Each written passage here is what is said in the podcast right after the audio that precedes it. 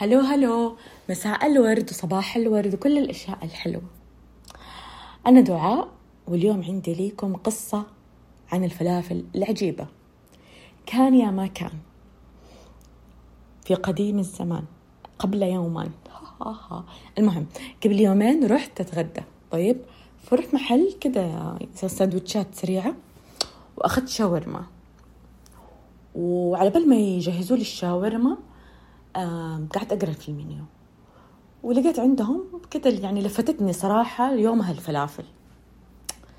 قلت خلاص كنتك طلبتي دعاء إيش كمان دحين تاخذي أقل order عندهم أربع حبات. بس حتسوي زحمة في بطنك على الفاضي. بعدين قلت وي طيب إيش بي أنا كده نطيت على الاستنتاج؟ أسأل. طيب أطلب. المهم وناديت ال waiter. قلت له أبغى حبة فلافل. قال لي order فلافل. okay. قلت له لا لا ما أبغى order order هذا فيه أربع حبات. ما أبغى. أنا أبغى حبة واحدة. قام قال آه okay. وراح وجاب لي أصغر صحن في الحياة وفي حبة فلافل. أنا مرة انبسطت. تعرف ليش انبسطت؟ مو بس عشان أخذتها for free لا لا لا لا. عشان عرفت إنه طلباتي مجابة. وعرفت إنه أنا كل ما جرأت في الطلب والسؤال راح تجيني الأشياء اللي أنا أبغاها. وكل ما كنت واثقة وعندي إيمان ويقين إنه راح يجيني الشيء اللي أبغاه أهل ايا كان كانت الطرق.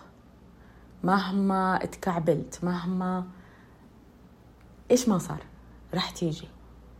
حتى لو الناس رفضت في أول مرة عادي. في غيرهم حيقولوا إيوه وفي غيرهم حيدوني حبة الفلافل. أو أيا كان الطلب. فالشيء اللي ألهمتني إياه هذا الموقف وهذا القصة قد إيش إحنا نفترض أحيانا إنه الشيء اللي إحنا نبغاه أو نطلبه عشان السيستم كذا عشان الناس كذا عشان المنصب كذا عشان كذا علاقتي هي أصلا آه، بين عيلتي كذا ومع صديقاتي كذا. فأتجنب إنه أنا أطلب زيادة. أتجنب أنه أنا أسأل حتى. فماذا لو زادت الجرأة عندنا في السؤال والطلب؟ وحتى خلوا بالكم بينكم بين نفسكم. لما تيجوا يعني حقيقي حقيقي هذا واحد من الأشياء اللي حابة إنه هي كده يعني توصل لأنها مرة فتحت معاي لمبات. أنا كنت مرة أستحي. ومرة يعني صوتي ما يطلع على قولهم. ألين ما عرفت إنه طالما أنت ساكتة حياتك حتكون وسطية. حتكوني ترضي بأقل القليل. أو ترضي بالشيء ال ال ال شيء عادي. ما حيكون في الحماس هذا ال ال ال الأشياء الجديدة اللي تيجي في حياتك. ما حتيجي. فقلت فلما وهنا قبل كم سنة فهمت إنه كيف لما أنا أتجرأ في الطلب في السؤال أطلع صوتي أعبر أكثر قد إيش الحياة تفتح لي أبوابها وتقول لي خدي وربنا يفتح علي مفاتيح الله. فماذا لو كان طلباتنا مجابة دعواتنا مجابة؟